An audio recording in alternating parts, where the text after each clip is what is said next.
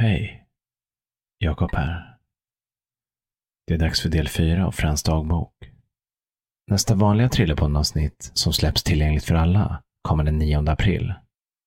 Då kommer Thomas komma tillbaka. Ni vet Thomas ifrån avsnitten Landsvägen och Revansch. Jag skriver och producerar den historien just nu. Så om allting går som det ska, så blir det den ni får höra då. Men nu till Frans dagbok. Varsågoda. Morsan ringde mig igår. Var helt förstörd.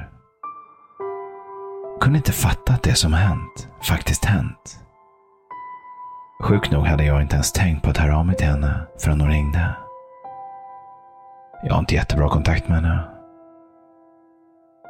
Jag vet att hon älskar mig, men samtidigt. Det är något väldigt känslokallt över min mamma. När min pappa dog för ganska många år sedan förändrades hon. Jag minns när vi kom till sjukhuset. Jag fattade att något inte stod rätt till när vi gick i korridoren på väg till hans rum. Flera sjuksköterskor gick med snabba steg in i det rummet. Jag hörde någon apparat pipa där inifrån. Fram till dess hade jag tagit det hela med ro. Jag snackade med farsan dagen innan på telefon. Och jag minns att han sa Läkarna tror att jag klarar av det här. Jag tyckte det lät betryggande då. Men så här i efterhand förstår jag att hans ord i själva verket nog framförallt betydde att han själv tvivlade.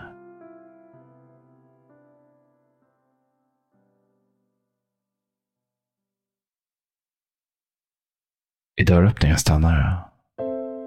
Och min kropp bara reagerar utan att jag själv har en chans. Tårarna började rinna ner för kinderna och jag började till och med hulka fast jag absolut inte ville göra det. Minns att jag skämdes. Vet inte inför vem riktigt.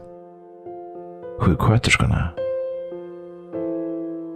När en sjuksköterska böjde sig över farsan och förklarade för honom att hans familj var på besök trodde jag först att han inte fattade. Han hostade hela tiden och hela kroppen skakade. Hela scenen i rummet var kaotisk. När jag hörde honom mellan attackerna stamma fram orden så trevligt fylldes min kropp av en sån uppgivenhet. För hans skull.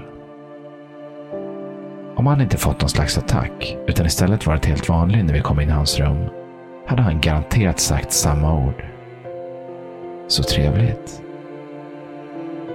Och det faktumet gjorde att det kändes som att han in i det sista gjorde allt för att situationen skulle vara normal och inte helt jävla urspårad med pipande maskiner och sköterskor springandes överallt. Men så var det. Några sekunder senare rullade de ut honom i rummet. Jag tror de flyttade honom till någon akutavdelning. Det var i alla fall det sista jag såg av honom. På ett sätt förändrade den där grejen hela mig. Jag tror att de flesta andra har ett slags skimmer över livet, vardagen och verkligheten de lever i. Som jag inte har. Längre. Jag minns fortfarande glimtar av värme och trygghet från min barndom. Framförallt trygghet. Men efter det här var det som att jag med ens blev smärtsamt medveten om att jag var helt själv i en kall, grå verklighet. Men min process hade nog i och för sig börjat innan den där grejen ändå. Min farsa var liksom ingen bra person. Jag ska inte bli långrandig och gå in på det, men det var som att grej efter grej kom fram om farsan och jag hann tappa respekten för honom. Och sen till sist dog han. Jag minns att jag bestämde mig för att inte sörja honom. Gå i morsans fotspår på något sätt. Jag gick till skolan dagen efter, som vanligt. Och det var inga problem. Minns att jag var glad över att kunna ta över hans mobiltelefon. Minns också hur sjukt pinsamt jag tyckte det var att ta upp en sån praktisk sak redan under bilfärden hem från sjukhuset. Ja, ja, nog om det.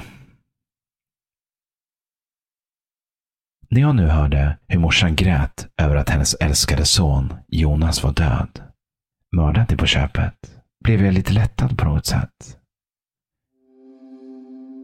Skönt att höra att hon faktiskt visade några som helst känslor trots allt. Jonas är inte ens egentligen hennes riktiga son. Han är adopterad. Morsan och farsan tog emot honom som fyraåring. Vet inte helt bakgrunden. Jag var ju själv bara två år när han dök upp. Men antar att hans egna föräldrar inte kunde ta hand om honom. Men jävlar vilket intryck han gjorde på min familj. Alla älskade honom. Utom jag. Jag har hatat Jonas så länge jag kan minnas.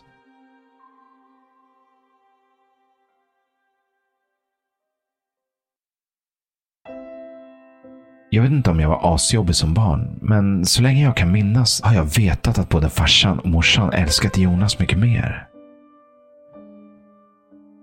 Och han var elak. Det var han verkligen. Men inte på det där viset du tänker dig. Han var elak för att han alltid tog all uppmärksamhet. För att han alltid var så jävla mycket bättre.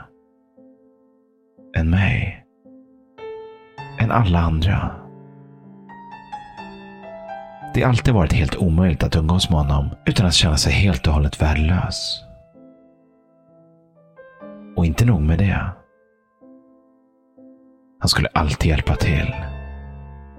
Förnedra oss andra genom att hjälpa till och därmed visa mamma, pappa eller läraren eller vem fan det nu var att det var skillnad. På han som kunde allt. Och oss andra. Jag vet att han njöt av det där. Jag vet det. Men han har aldrig erkänt det såklart. Men han har alltid älskat att omge sig med folk som är sämre än han själv.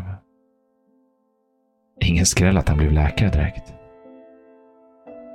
Att gå runt bland sjuka och svaga människor hela dagarna var såklart en dröm för honom. Men jag vill ju hjälpa dem Frans. Så sa han alltid när jag ifrågasatte det hela. Jo, tjena. Jävla as.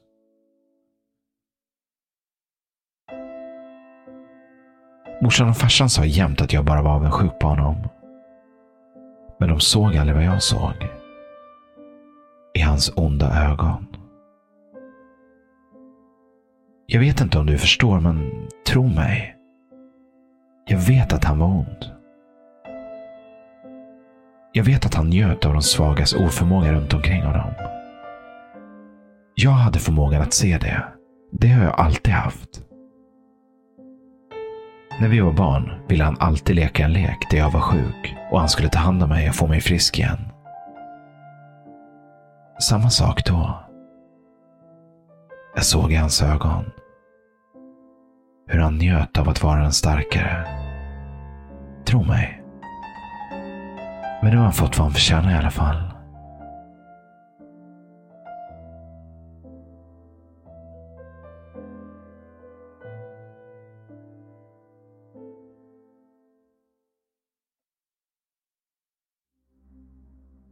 Det är något skumt med Linnea förresten. Hon försöker förvirra mig på något sätt. Med flit känns det som. Försöker få mig i balans. Hon kan ringa och fråga mig om jag inte dyker upp snart, fast vi inte ens bestämt att vi ska ses. Och ibland dyker hon upp hemma hos mig utan förvarning, men agerar som om det vore världens mest naturliga grej. Bara ringer på en gång och sen går hon in och bara börja hänga liksom. Jag har samma starka känslor kvar för henne. Det är det som skrämmer mig. Tänk om hon håller på med något som jag inte fattar. Spionerar hon på mig? Är det därför hon bara dyker upp hemma hos mig ibland? Jag måste fokusera. Jag vill inte förlora henne och jag vill verkligen inte att mina misstankar ska stämma. Men jag har börjat följa efter henne till och från jobbet. Vet egentligen inte varför, men vill liksom övervaka henne när jag vet att hon inte vet att jag gör det. Se om hon gör något annorlunda. Prata med någon. Gå någon annanstans än till sitt jobb. Avslöjar sig på något sätt.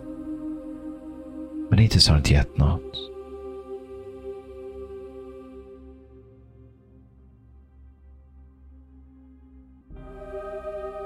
Jag har lagt Franstomen på is förresten. För gott tror jag. När jag läser vad jag skrivit i mina tidigare inlägg om någon jävla superhjälte skäms jag. Vem tror jag att jag är egentligen? Så jävla lame. Men jag trodde nog själv på det när jag skrev det.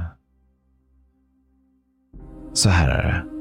Jag är bara en vanlig kille som ville döda min styvbror för att han stulit allt mitt rampljus och mina föräldrars kärlek. I hela mitt liv. Och för att han är ond. Och av olika anledningar hände det lite grejer som väckte tillräckligt mycket mod i mig för att göra det. Men det är slut med det nu. Mitt fokus har skiftat. Jag ska ta reda på allt om Linnea. Jag ska ta reda på om hon älskar mig eller om hon egentligen vill mig illa. Och om det är så, så ska jag ta reda på varför. Vi hörs. Frans.